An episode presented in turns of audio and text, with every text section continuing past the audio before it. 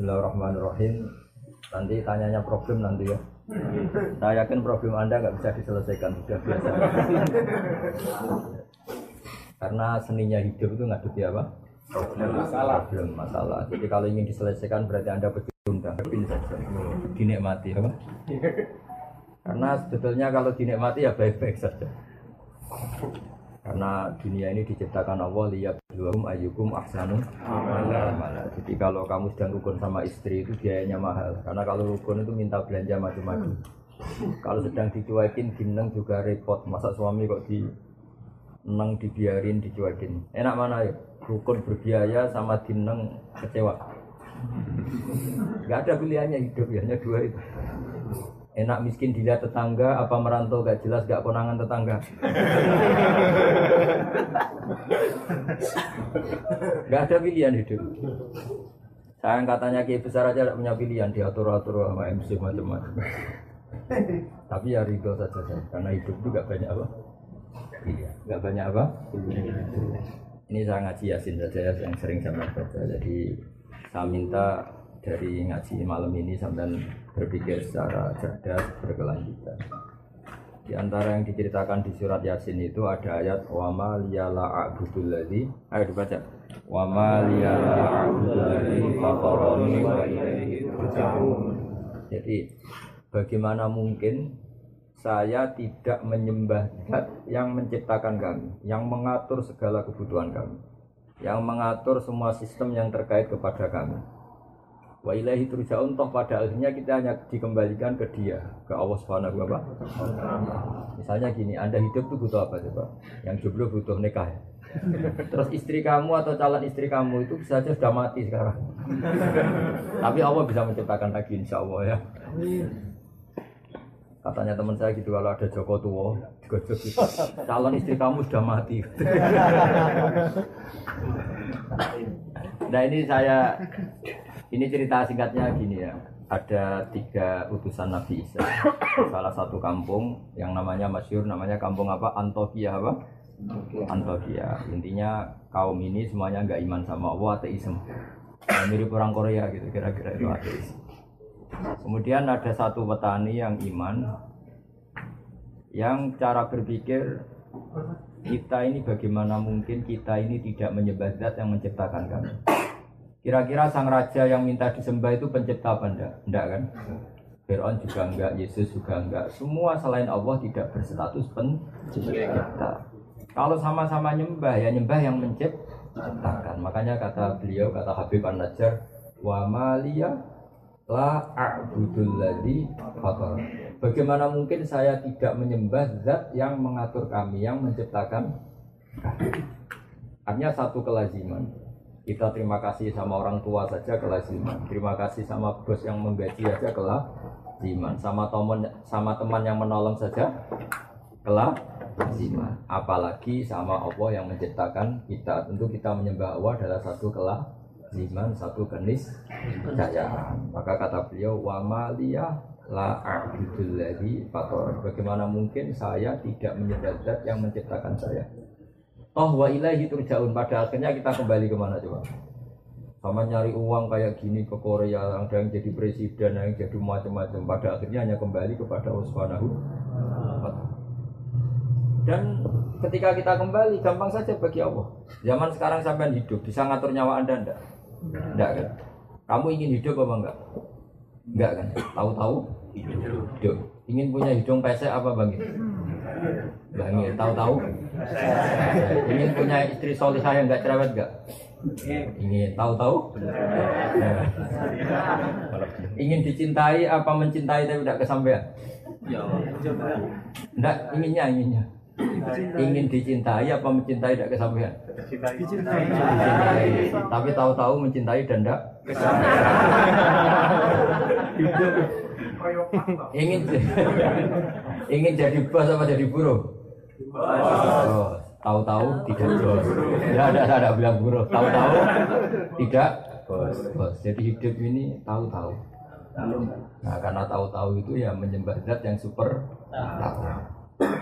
Jadi tauhid itu dimulai dari kalau zaman sampean ngaji, ini namanya siapa tadi yang montong yang itu? Siapa? Ini tetangga saya ini. Apa diangkat jadi wali? Tapi nanti butuh persetujuan para wali-wali ini. Wali apa? Wali murid. Jadi hidup itu dimulai kalau kita zaman dulu ngaji apa istilahnya apa masya Allahu kana wa malam yasa lam yakun apa yang digadagi Allah pasti terjadi yang tidak digadagi pasti tidak terjadi ini penting sebagai tauhid. Sehingga sampai mengalami apa saja cinta ada kesampaian kaya ada kesampaian apa saja ada kesampaian. Sampean yang syukur saja. Karena andekan kesampaian punya istri itu ya tidak mesti maslahat. Kesampaian jadi orang kaya tidak mesti maslahat. Yang mesti maslahat adalah kesampaian ditekdir sujud sama Allah Subhanahu yang bisa mensurjakan anda itu sujud sama Allah apa jadi orang kaya? Sujud sama Allah. Yang mensurgakan anda itu istri anda atau amal anda sendiri bahkan gara-gara istri banyak orang jadi koruptor kan? karena istrinya shopping terus yang cowoknya korupsi jadi barokahnya jumlah-jumlah gini ya banyak masalah. Masalahnya di jumlah itu. Eh, tapi yang penting syarat utama jadi orang baik itu satu janggal atau iskal atau tidak memahami satu kesalahan. Jadi satu kesalahan itu harus gak difahami. Tapi satu kebenaran harus difahami. Satu kesalahan itu gak bisa difahami. Misalnya maling atau mencuri. Itu kan nggak bisa difahami oleh akal sehat.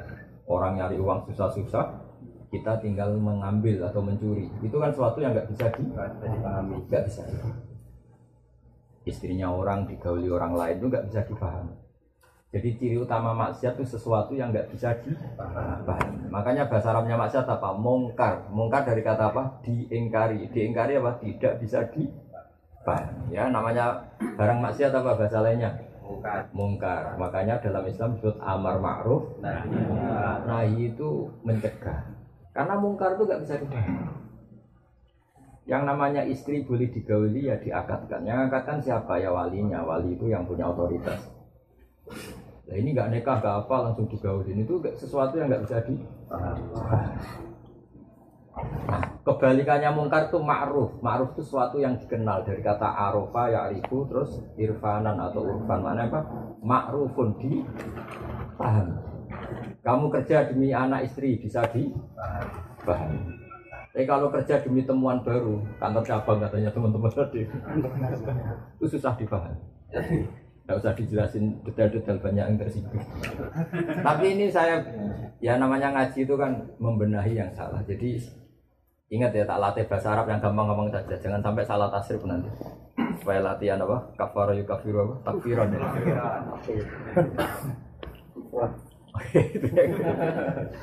Jadi yang dikatakan ma'rufun sesuatu yang dipahami atau dikenal, mudah dikenal oleh akal. Kayak sodako itu kan mudah dikenal oleh akal, namanya empati sama orang lain.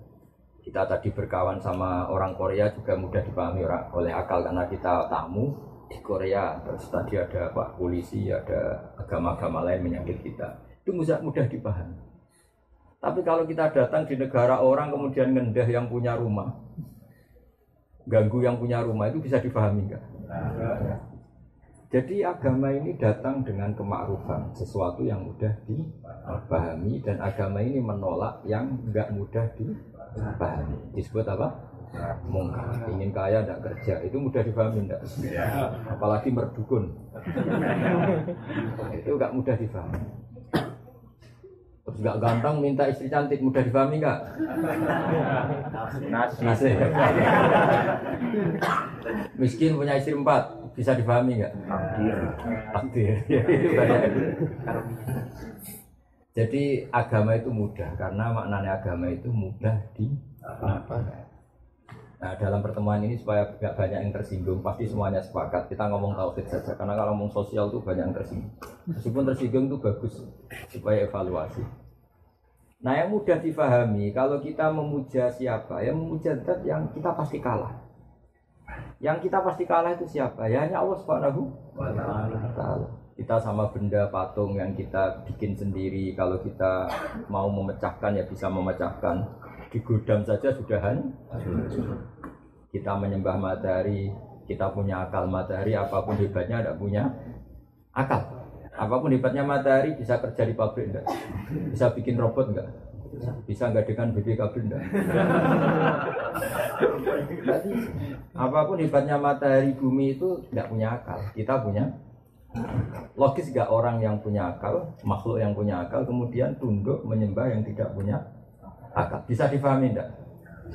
Tidak bisa. Menyembah Yesus. Yesus itu manusia yang lahir di bumi. Menyembah Tuhan yang hakikatnya ada Tuhan bisa difahami enggak? Enggak. Yang mudah difahami dan pasti terpahami adalah menyembah zat sing menciptakan kami. Yang menciptakan langit bumi, yang membuat air, membuat oksigen, membuat apa saja sebagai keperluan kita. Kemudian setelah kita mati juga kembali ke dia. Zaman kita hidup, coba ketika Anda hidup tahu nggak sistem saraf Anda, sistem jantung Anda, sistem paru-paru Anda, sistem kebutuhan oksigen Anda, kan tidak tahu. Kalaupun tahu, Anda tidak penciptanya. Kayak ilmuwan-ilmuwan barat mengklaim tahu, tapi apa mereka pencipta Anda kan? Tahu-tahu ada oksigen, terus oksigen dianalisis. Ini mengandung ini, ini, jantung butuh ini, paru-paru butuh ini. Tapi itu semua ciptaan Allah apa ciptaan mereka? Ciptaan. Ketika menyembah zat yang mengatur itu semua namanya ma'ruf, mudah dipahami. Paham ya? Maka kalau disuruh menyembah selain Allah itu sesuatu yang nggak bisa dipahami.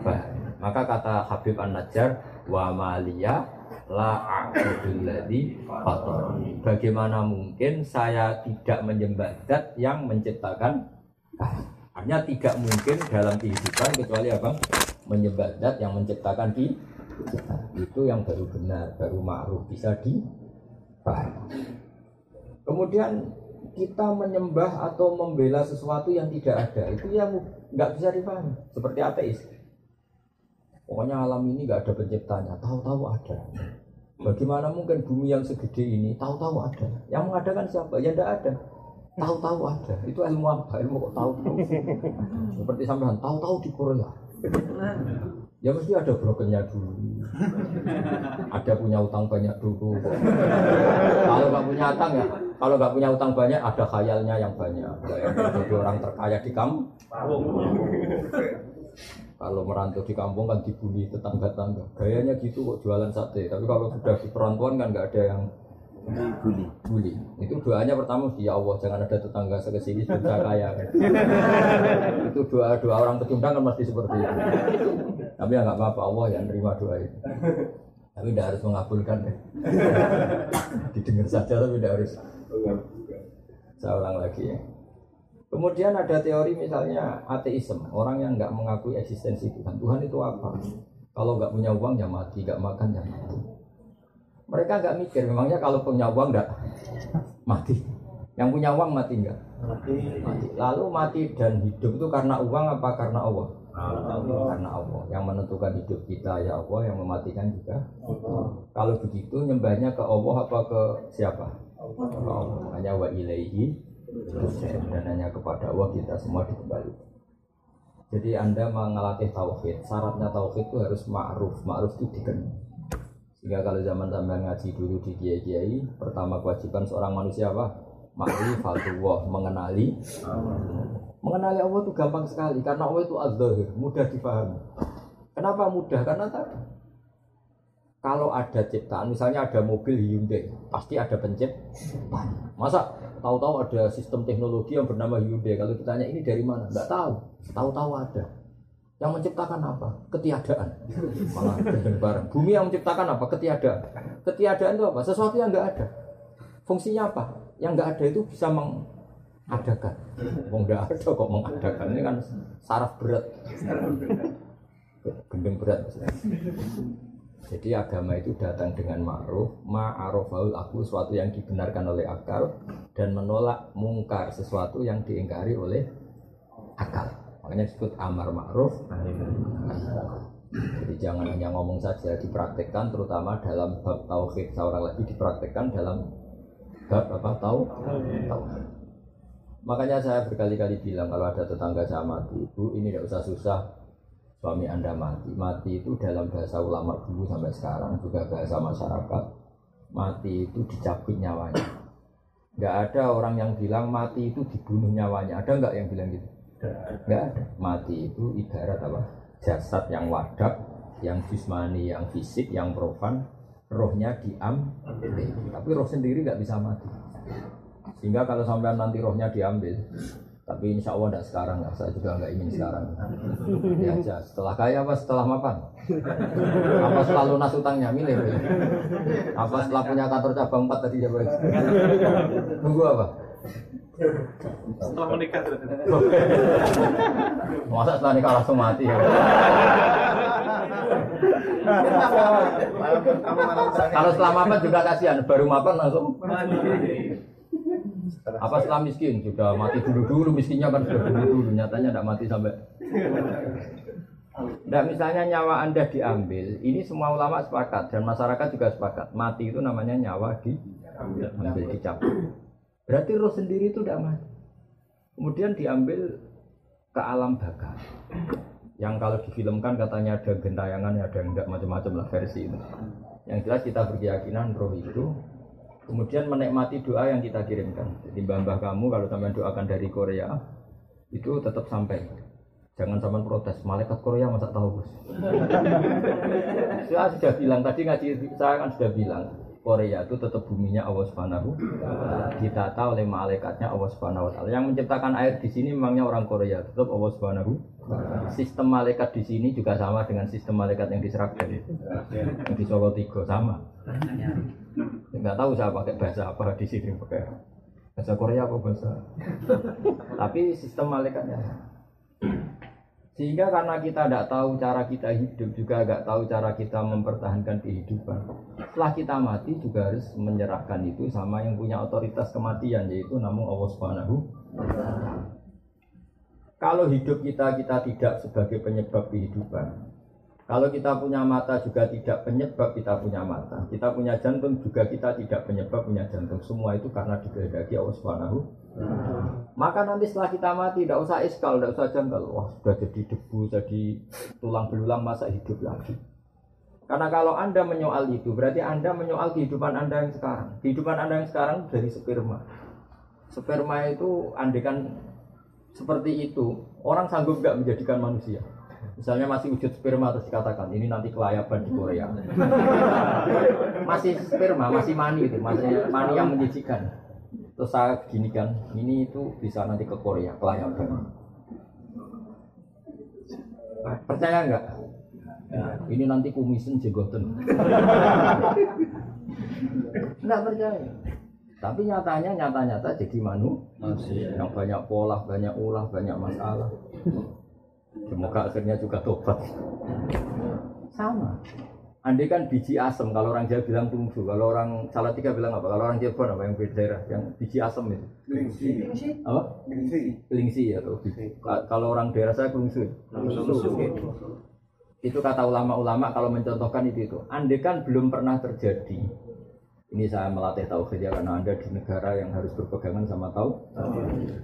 Andekan kelungsu atau kelingsi tadi belum pernah terjadi menjadi pohon asam besar yang kemudian bercabang punya buah banyak. Terus ada orang bilang ini itu bisa jadi pohon besar yang kalau ditabrak tronton itu supirnya mati. Yang kalau ditabrak mobil atau bis supirnya mati. Masa? Iya. Kira-kira orang percaya enggak? Kan enggak. Karena belum tahu buktinya. Setelah sama Allah diciptakan jadi asam kecil, kemudian pohon besar besar, orang baru bilang, oh iya, ternyata iya. Pertanyaannya begini, ketika ternyata ia jadi pohon besar, manusia ikut memberi kontribusi enggak? Enggak kan? Ditanam di buminya Allah, dirawat oleh kekuasaan. Tapi manusia bilang, wah pohon kelungsu tadi, apa biji kelungsu jadi pohon asam besar itu mungkin. Mengatakan mungkin karena apa? Menyaksikan ternyata itu terjadi. Sama, harusnya kita mengatakan manusia sekarang yang jadi kelayaban ke Korea itu diciptakan dari mani. Ketika manusia bilang mungkin itu karena melihat nyatanya terjadi apa karena bisa bisa bisa menciptakan? Karena nyatanya terjadi. Manusia tidak ikut menciptakan. Jadi zaman kita jadi manusia yang banyak masalah seperti ini. Jadi orang broken macam-macam banyak orang ngayal macam-macam. Itu zaman dari mani menjadi manusia ikut menciptakan enggak? Enggak, tapi mengatakan mungkin karena terjadi. Artinya ada terjadi kekuatan besar yang menjadikan mani jadi manusia. Tapi setelah manusia ini jadi tulang belulang, Orang-orang kafir mengatakan nggak mungkin dibangkitkan lagi karena itu sulit. Bagaimana caranya? Di zaman kamu jadi manusia juga nggak tahu caranya.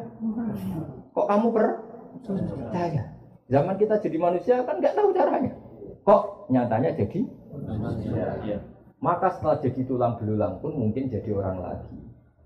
Soal kita tidak tahu caranya, mulai dulu kita juga nggak tahu caranya. Kenapa bumi ada, kenapa manusia ada.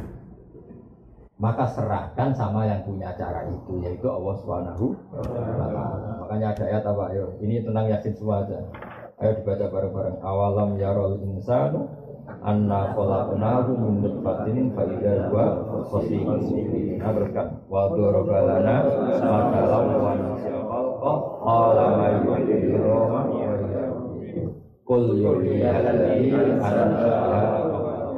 wa huwa jadi singkat cerita gini, Wa'il bin As itu orang kafir ngambil tulang belulang yang sudah membiru. Apa? Sudah apa? Membiru. Yang kata Rasulullah nanti semua manusia dibangkit. Terus tulang yang sudah membiru itu diremes-remes gini. Diremes-remes gini terus disawurkan ke wajahnya Nabi. Apa seperti ini Muhammad nanti bisa jadi manusia lagi, bisa bangkit lagi padahal sudah jadi tulang belulang yang seketika saya remas saja jadi hancur kayak debu. Terus Allah bilang, awalam yarol insan. Bagaimana mungkin manusia yang dulu saya ciptakan dari mani, kemudian sekarang jadi ahli debat, debat yang nggak mutu yaitu kayak tadi. Siapa tadi yang bilang Asbin Wais. Terus kata Allah mengingatkan, awalam yarol insanu anna kholakna. Terus terusannya apa? Eh, Kul yuhyihalladi ansyaha awal. Manusia kok tidak ingat ketika jadi mani itu kira-kira orang kafir seluruh dunia dan belum pernah terjadi kalau mani jadi manusia. Tahu lagi, andai kan belum pernah mani itu jadi manusia. Kemudian saya bilang, mani ini loh nanti bisa jadi manusia yang bisa ke Korea ke mana. Orang percaya enggak? Tidak. Tapi kenapa percaya? Karena nyatanya terjadi. Dan ketika terjadi, manusia memberi kontribusi apa enggak? Enggak kan murni murni takdirnya Allah. Nah, karena Allah berusaha membuktikan mani jadi manusia, maka Allah pula yang akan mampu dan pasti mampu mengembalikan apa lemah apa tanah yang sudah tadi dari tulang belulang manusia menjadi manusia. Ketika misalnya kumis dicukur tumbuh lagi, jenggot dicukur, manusia mengatakan mungkin karena apa? Karena terjadi. Tapi apa ikut menciptakan? Ya. Tidak. Misalnya orang yang ganteng-ganteng nggak mau jenggotan, ah tetap saja kalau cowok.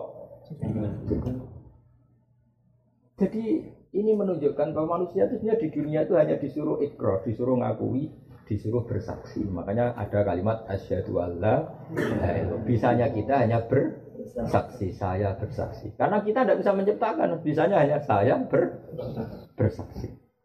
Paham ya? Makanya dilatih, dilatih apa tadi Eh, kul yuhyihalladzi ansha'a Jadi kalau sampai ingin iman secara benar gimana? Bayangkan pertama kali manusia diciptakan. dari bumi masa jadi manusia lagi kan tulang tulang sudah jadi bumi. Memangnya Nabi Adam diciptakan dari apa coba? Dari bu. Itu Allah mampu. Dan uniknya lagi saya sering kalau ngaji di Jogja, Nabi Adam tuh makhluk paling paling komplit. Coba kalau ada orang nggak percaya hari kebangkitan, itu saking gobloknya orang. Menurut saya hari kebangkitan itu masih seru manusia yang sekarang, yang kayak sampean-sampean. Lo konda gimana? Hari kebangkitan kan materinya sudah ada, seolah ngaji materinya seperti gen sampean kan sudah ada DNA sampean ada DNA Seragen, Tuban, Boyolali, Mataram macam-macam. Materi kita meskipun ditanam di tanah kan materinya sudah ada, portofolionya sudah ada, sistemnya sudah ada, DNA-nya sudah ada panitia malaikat yang bikin lebih gampang. Tapi zaman Allah menciptakan Nabi Adam, semua gen anak turun Nabi Adam itu ada di dia sampai hari kia. Allah harus bikin sistem di tubuh Nabi Adam. Sistem apa cadangan atau mani atau apalah istilahnya. Yang nanti itu cukup sampai kiamat. Coba susahnya kayak apa? Artinya di Nabi Adam kan diciptakan satu sistem di punggungnya. Kemudian sistem itu dipersiapkan untuk sampai kiamat. Lebih sulit kan? Nabi Adam satu orang. Dia kawin kemudian jadi kobil habil iklimah labida kawin lagi itu sampai jadi orang kayak sampean itu dulu dari master yang bernama siapa? Ya, coba nitipkan tubuh sampean tok ini harus dibikin keriting, pesek, punya jantung. Dititipkan di satu zigot atau di satu sel yang kecil sekali. Padahal sel yang kecil sekali ini nanti jadi manusia yang polahnya seperti ini. Dan ketika sampean misalnya calon punya anak lima, berarti ada ada anak lima yang di punggung sampean. Dan pu, ini disiapkan sel yang jadi anak sampean lima. Lima ini per sel disiapkan ada matanya, ada kupingnya, semuanya lengkap. Ada organ dalamnya, ada organ luarnya, ada organ yang tumbuh terus kayak kuku, kayak apa, jenggot, macam-macam. Kenapa itu gak kita akui sebagai reputasi Allah kalau Allah itu ala kulli syai'in. Allah mampu melakukan apa saja. Terus kenapa kita menyoal hanya karena orang sudah mati kemudian kita menyoal mana mungkin ini bangkit kembali.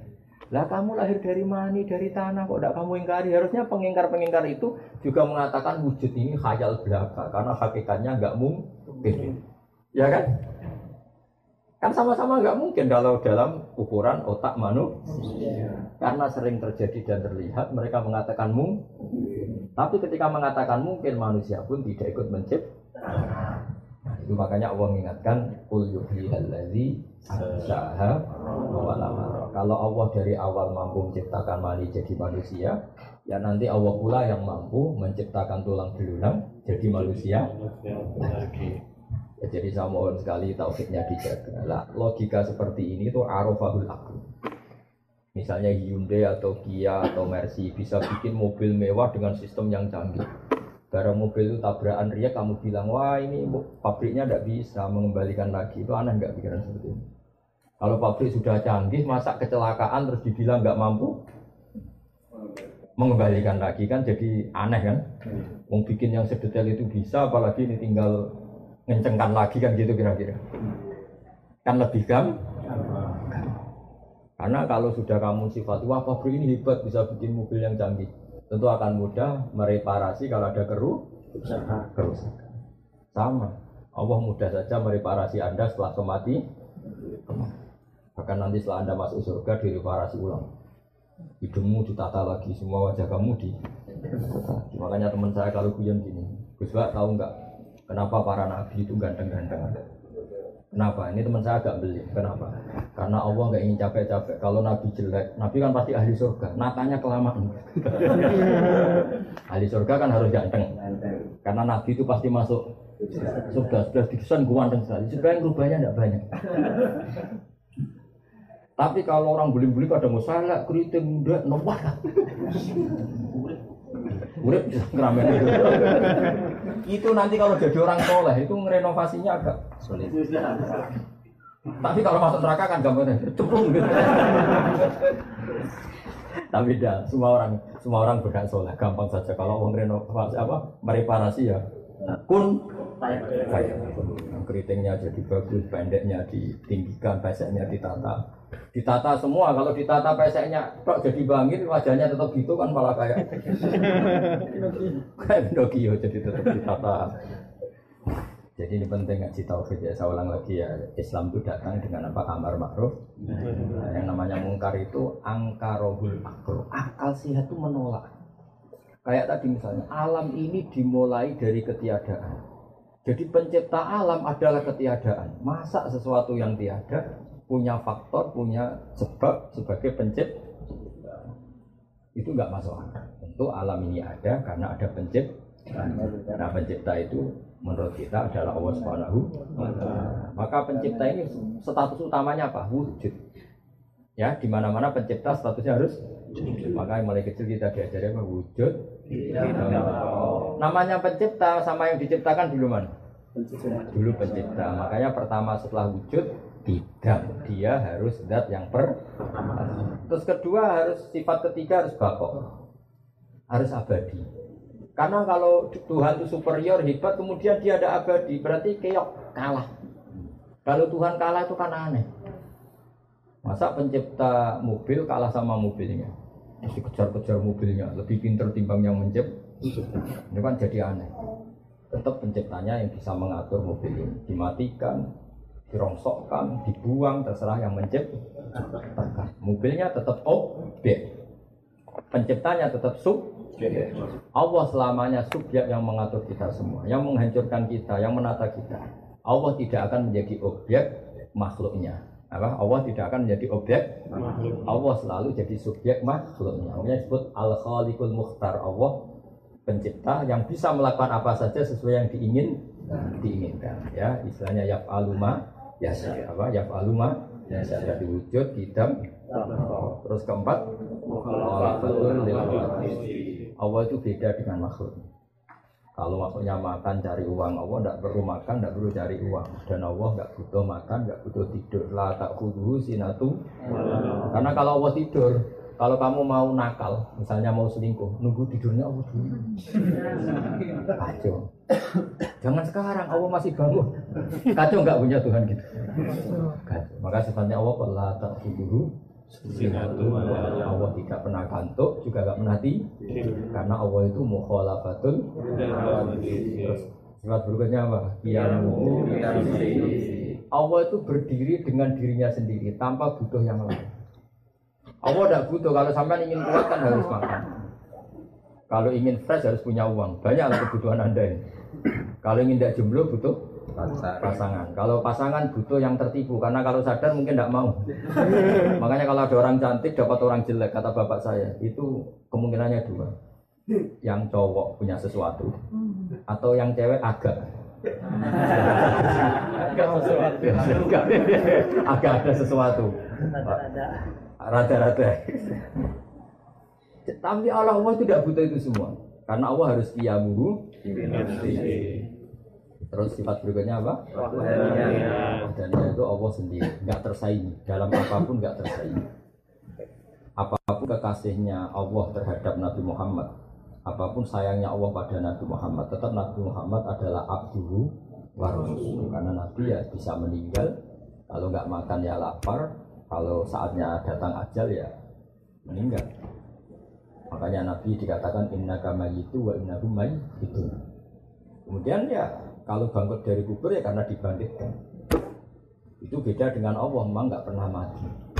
Apa nggak pernah mati karena Allah itu qiyamuhu wahdaniyat terus kudrat irodat jadi logika-logika itu tanamkan sehingga kamu iman dengan kebenaran yang kalau ada paham yang menyesatkan kita menolak.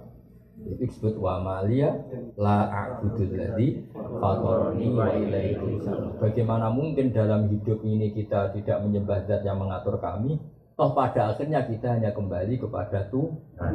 Jadi kita menyembah Allah karena mengatur kami, dan pada akhirnya kita hanya kembali ke Allah Subhanahu tidak kembali ke akal kita, tidak kembali ke pikiran kita, tapi hanya kembali kepada Allah Subhanahu Seperti sampai misalnya bayangkan jadi orang kaya terus bahagia. Apa faktanya nanti pasti demikian? Tidak mesti. Kadang setelah jadi orang kaya malah nyesal. Misalnya gini, banyak ini ceritanya.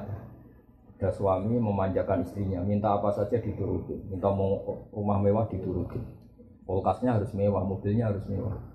Lama-lama istrinya mikir rumah mewah, mobil mewah, yang enggak mewah suami saya. Lama-lama kepikiran ganti, ganti. Suami. Karena enggak istrinya yang ingin ganti karena tadi. Minta rumah mewah diturutin. Kalau rumah mewah pantasnya apa? Kulkasnya? Mewah, mobilnya? Mewah, mewah, karpetnya? Mewah. Tapi suaminya tuh pesek pendek. Lama-lama yang perlu dipikirkan yang kurang mewah satu. Kalau kamu ngalamin gitu atau kopel Kita tidak pernah tahu. Ini barokahnya kamu miskin, pas apa? Rumah jelek, rezeki jelek, semua jelek. Maka istri kamu mikir sudah nggak perlu diganti, sudah pas semua ini. Maksudnya kita tidak pernah tahu. Kadang yang miskin juga bahagia karena serasi semua, pak serasi semua. Ya ini cerita saja Guyon, tapi Anda supaya tidak mengimani pikiran Anda yang kamu bayangkan itu tidak mesti masalah. Makanya kalau di kitab tasawuf itu ada guyonan di kitab hikam. Pernah dengar tuh namanya kitab hikam. Itu kitab tasawufnya ahli sunnah apa? Jadi semua kiai alim tasawufnya ngikuti kitab apa? Hikam. Selain kitab ihya, kitab apa? Kan ada beberapa kitab tasawuf yang paling populer di antaranya ihya. Kemudian itu dijabarkan oleh Sayyid Abdul Al Haddad jadi anaso eh adi niyah apa anaso eh adi niyah terus dijabarkan termasuk macam-macam lah oleh kitab ada seorang wali itu tukang manol, hamal itu tukang manol. Jadi dia itu wali betul, tidak kayak sampean. Sampean ini baru jadi wali ini sudah kerja jauh-jauh, gak jadi apa? Dia itu tukang manol, hamal. Karena dia wali setelah dapat itu tukang manol ngangkatin barang dari pasar ke kendaraan. Karena dia wali itu, ya Allah, saya ini hanya butuh makan satu piring.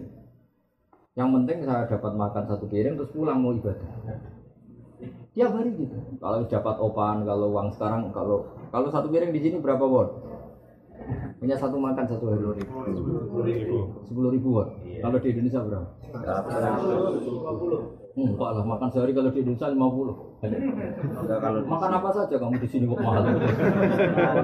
kalau uang di sini Berapa? sepuluh ribu 10 ribu sama dengan seratus 100 ribu. Ya jangan berarti contohnya di sini jangan. Ya kalau di Indonesia makan 50 ribu sudah. Berapanya? odeng Itu Kalau di Gunung Kidul sudah dapat belalang banyak. ya?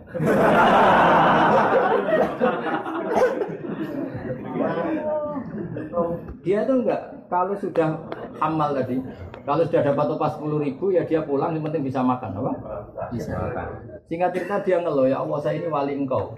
Ingin saya kalau sudah makan langsung masuk masjid ibadah. Jadi dia kalau sudah dapat uang sepuluh ribu makan terus masuk masjid apa? Ibadah. Lama-lama dia berdoa ya Allah buat saya dikasih rezeki agak butuh kerja. Tahu-tahu masuk pasar dicurigai jadi maling. Entah apa sebabnya pokoknya dituduh jadi maling di penjara. Di penjara tiap hari ada orang cuma makan terus ya Allah kenapa jadi begini? Bukankah kamu minta rezeki tanpa kerja? Ya LP itu. Jadi intinya betapa manusia itu tidak usah ngatur Allah. Karena ada wali yang minta rezeki tanpa kerja sama Allah dijawab LP. LP. LP kan rezeki akhirnya Insya Allah kok jadi lagi. Bukankah anda minta rezeki? tanpa kerja. Makanya kalau doa itu hati-hati.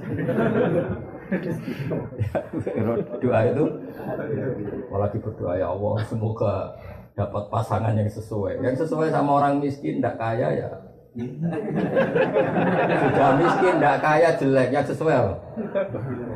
Ya jelek, ya mis. Makanya tidak usah doa gitu. Sudah. Ya Allah berikan jodoh yang maslahat untuk saya.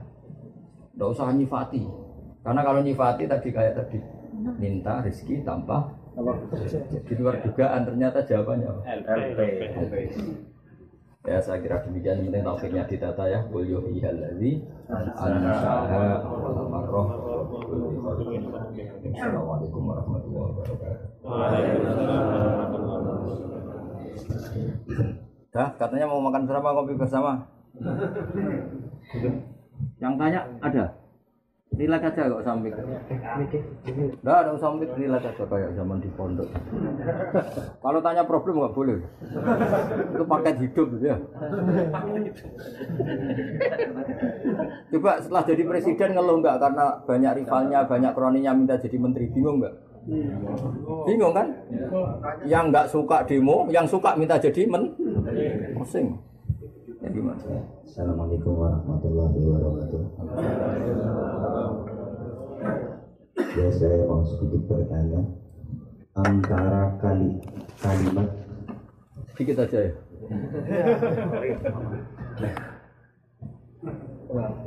Antara kalimat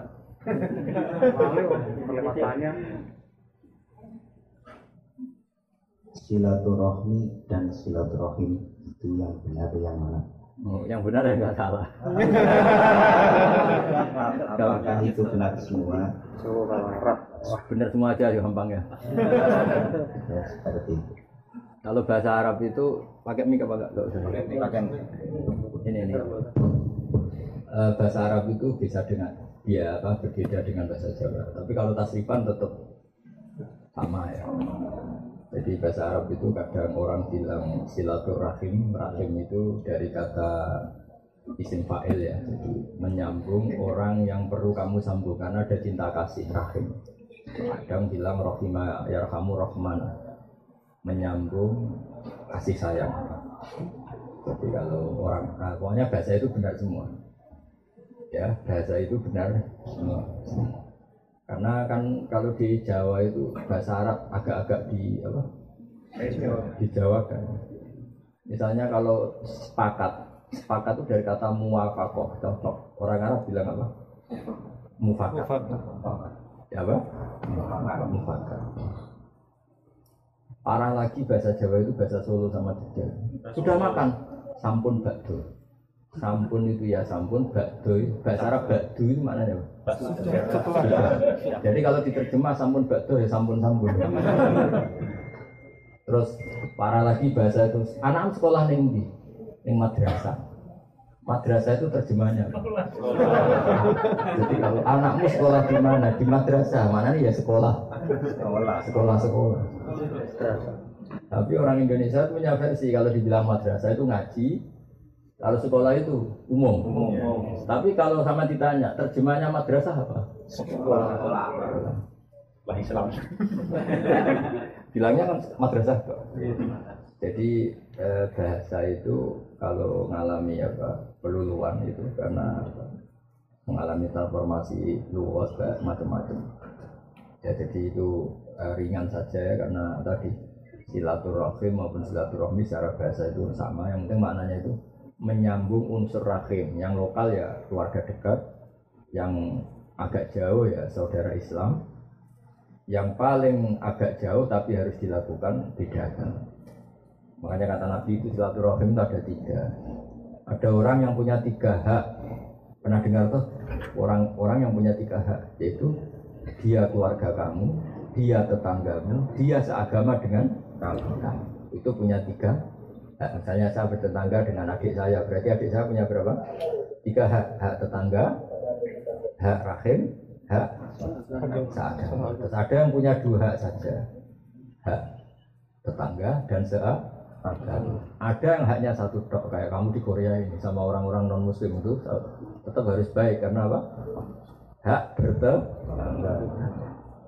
Itu semua juga dikatakan silatur. Karena rahim itu kalau dihitung Nabi Adam Kenal tuh sama Nabi Adam? Sama banyak kok lupa. Kenal? Nah itu berarti kalau dihitung Nabi Adam kan semuanya saudara.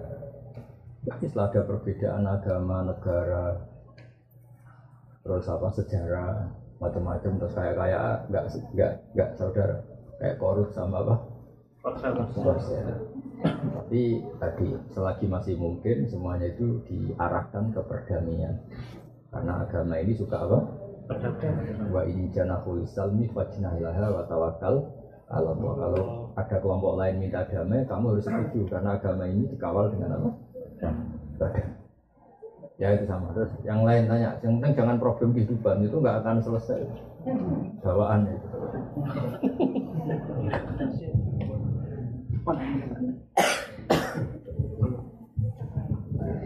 Assalamualaikum warahmatullahi wabarakatuh.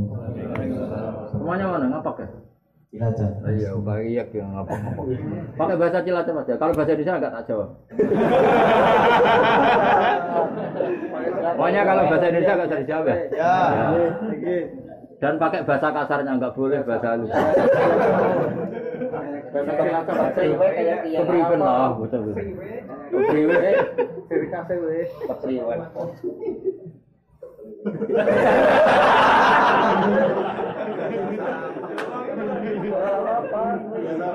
Biasa. Kalau nggak apa? Anggap saja tanya sama ini lah, nggak tanya sama. Ya sudah, bisanya bisanya. Harap akan buat. Ya, wis boleh ono. Naik ngaji nang YouTube. eh, apa entuk pahala? Kentul, kentul.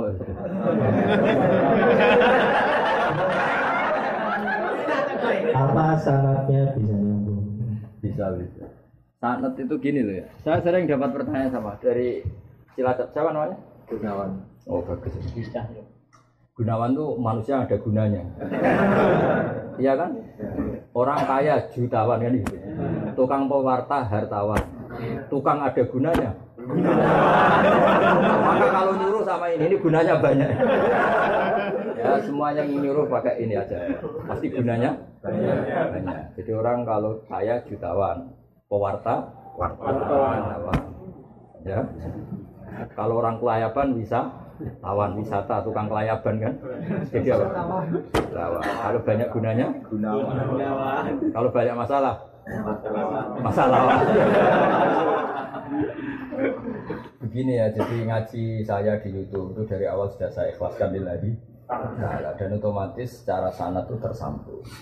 Yang ada syarat ketat itu kalau mau jadi mufti ya jadi apa? Mufti. Mufti itu orang yang punya otoritas menghukumi halal haram, syarat tidak sahnya sholat atau syarat sah tidaknya nikah itu nggak boleh hanya sekedar ngaji di YouTube. Tapi kalau syarat ingin tahu kebaikan sudah cukup. Karena kebaikan itu ma'ruf, mudah dikenal oleh A.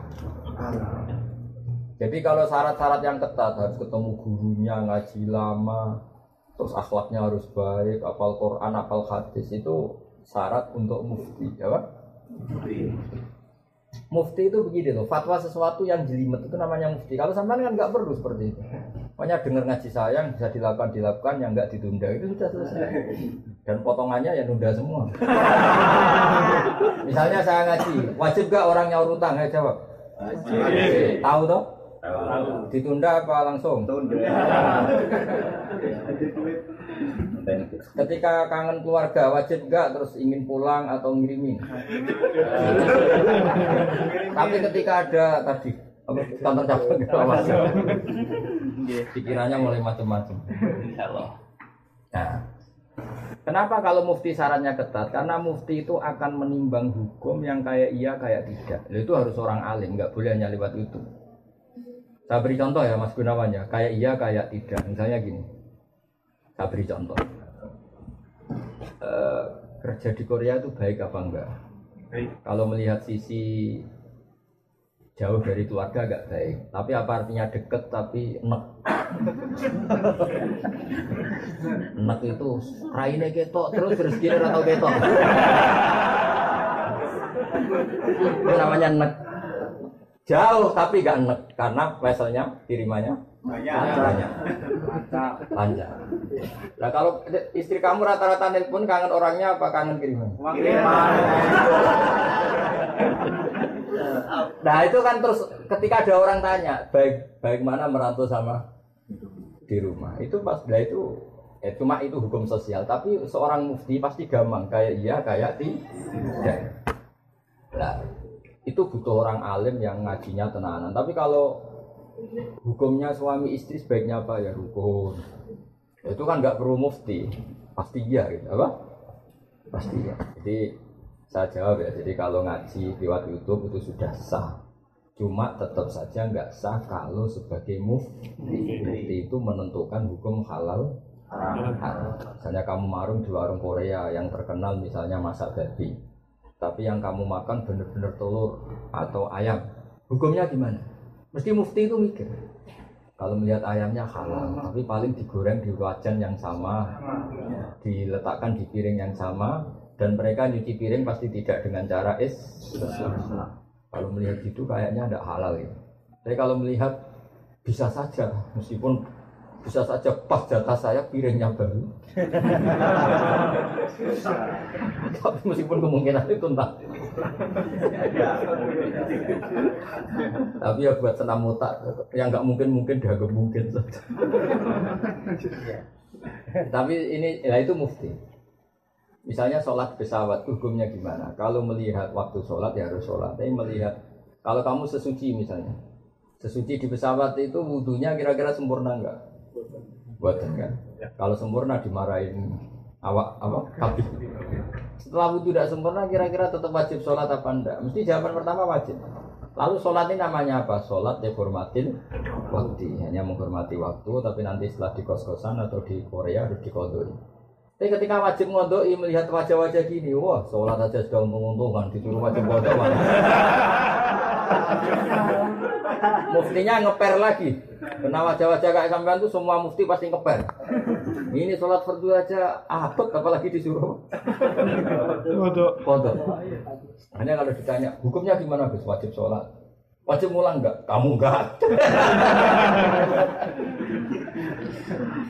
Terus ada lagi orang tanya saya ini, orang nggak pernah sholat sampai 10 tahun. Setelah tobat tanya, saya wajib kodok nggak? Tak lihat wajahnya itu kalau diwajibkan langsung nggak sholat. Akhirnya saya sebagai kiai ngakalin ya sudah penting kamu sholat dulu aja lah, nggak usah tanya kodoknya. Setelah setahun datang lagi, sudah tahu nikmatnya apa? Sholat.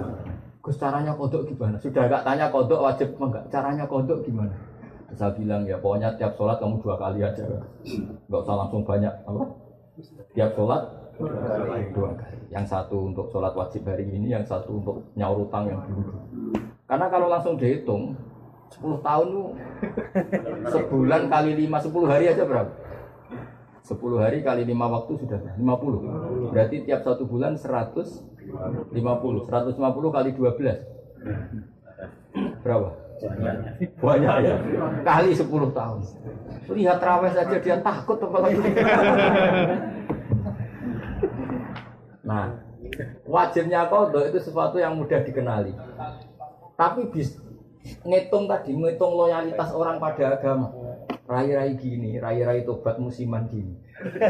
Kalau langsung diwajibkan itu malah apa bahaya? Bahaya. Makanya bilang ya sudah sholat dulu aja. Katanya kiai harus mau ikut 10 tahun sudah, saya sholat dulu aja, tidak usah tanya itu. Makanya dulu tuh ada cerita unik. Ini guyonan saya sebagai penghormatan pada Korea-Korea palsu ini ya. Itu ada kiai itu kan rata-rata anaknya cantik. Kalau anaknya tidak pati cantik, ya rapati kiai. Kiai betul itu rata-rata anaknya cantik. Karena istrinya rata-rata ya. Kalau kiai istrinya jelek ya agak musibah. Tapi bisa bikin kantor cabang kan? Ini provokator itu. apa pengesahan apa ya? Pakai kartu apa? Enggak kantornya aja. Dia istilahkan istri kedua itu. Singkat cerita itu anaknya itu cantik. Lah dulu itu nggak ada akses ke dalam kecuali harus jualan apa? Air. Jadi ada orang santri itu, itu agak nakal dia. Ingin tahu ningnya kalau dalam bahasa pondok itu ning. Taman karena saya yakin semua yang ngaji saya di sini itu masih ada sisa-sisa santri. Karena orang Indonesia hebatnya gitu, kecilnya mesti dolanan di musola, nguyoyo di musola, musola. Ya kan, baiknya orang Indonesia kan? Iya kan? Karena rata-rata kita pas kecil itu kan nyon sewu miskin. Yang ada jeding itu di musola.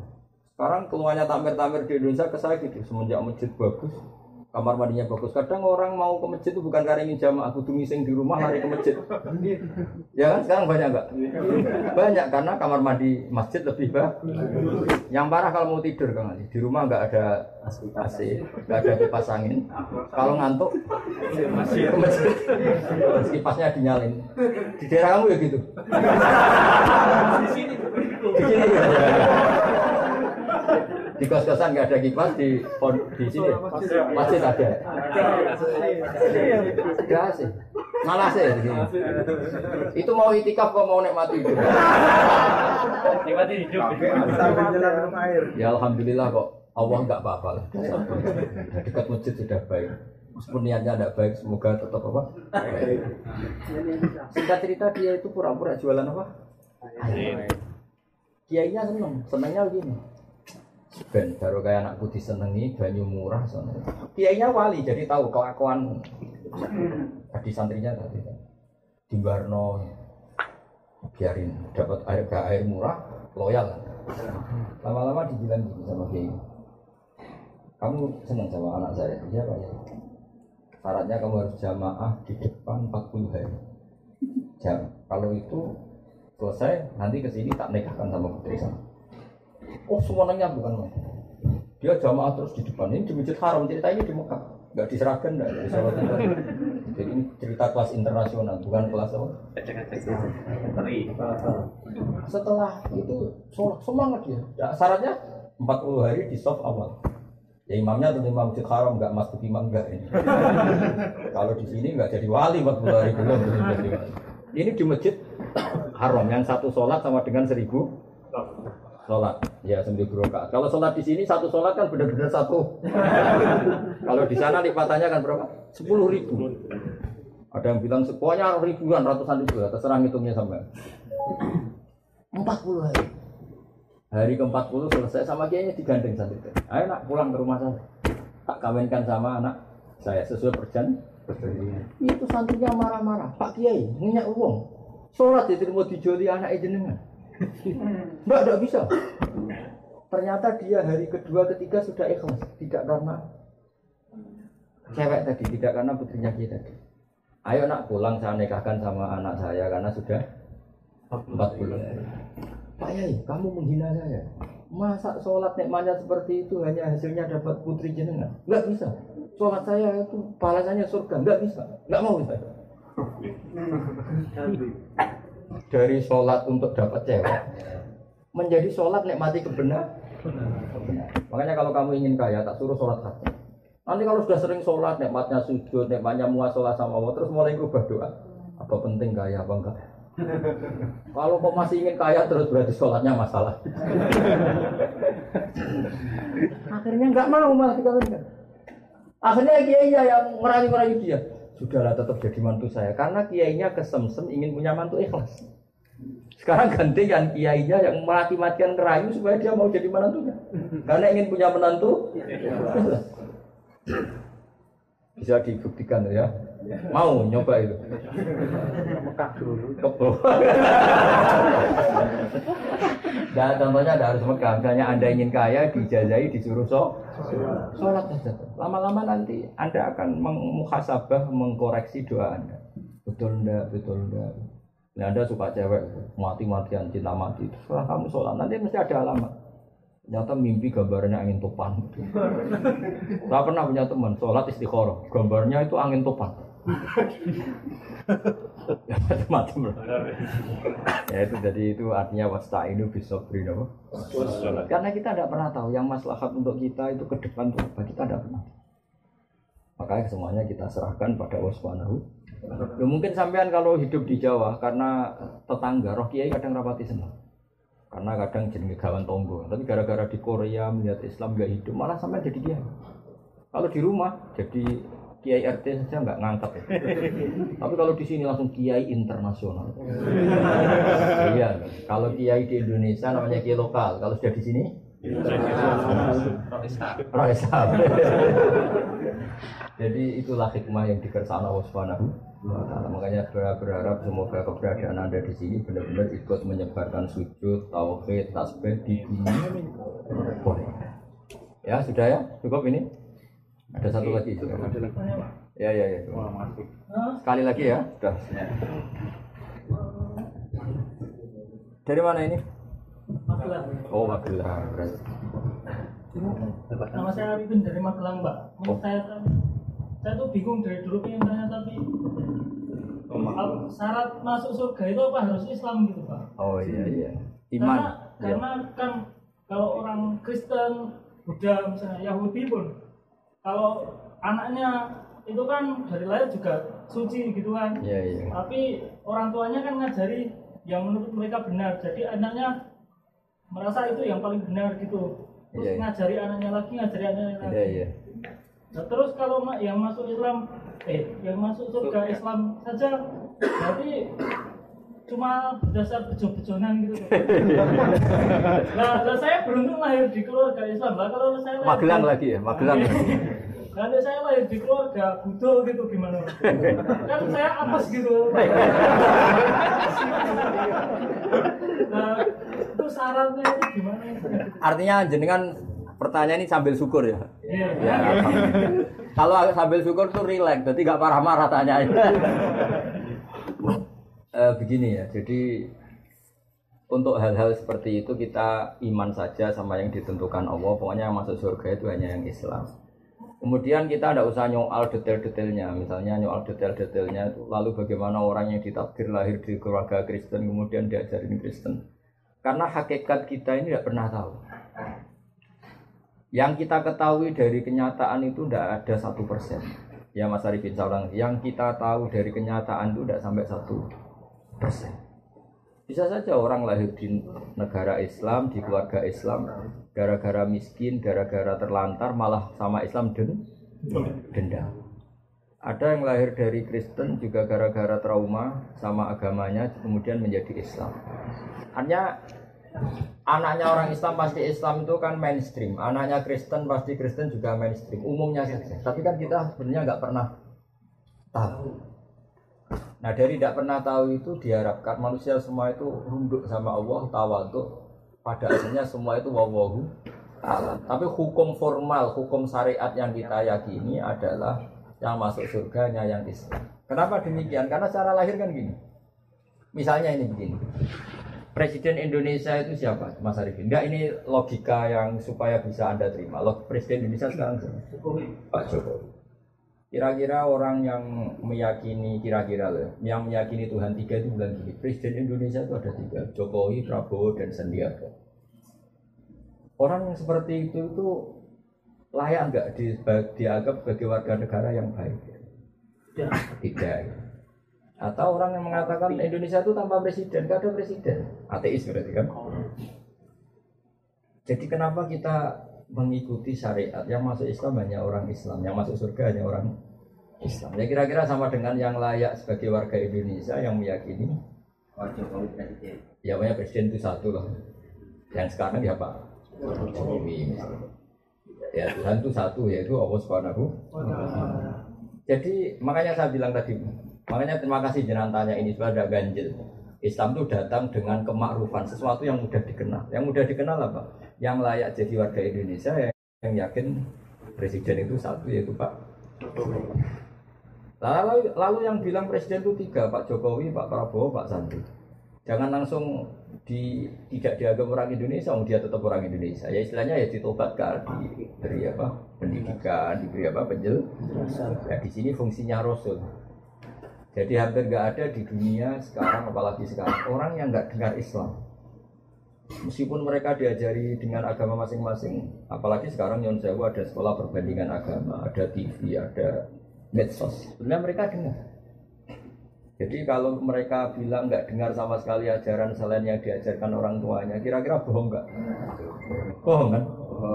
Jadi eh, gitu aja Mas Arifin ya, jenengan harus yakin bahwa yang berhak masuk surga hanya orang Islam. Yang lain-lain detail-detailnya semua kita tidak pernah tahu. Wallahu a'lam. Tapi kita punya logikanya.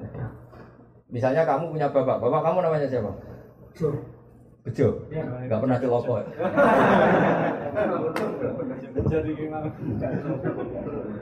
Ya iya, terus adik kamu meyakini Bejo itu gak bapaknya, itu mesti anak dulu.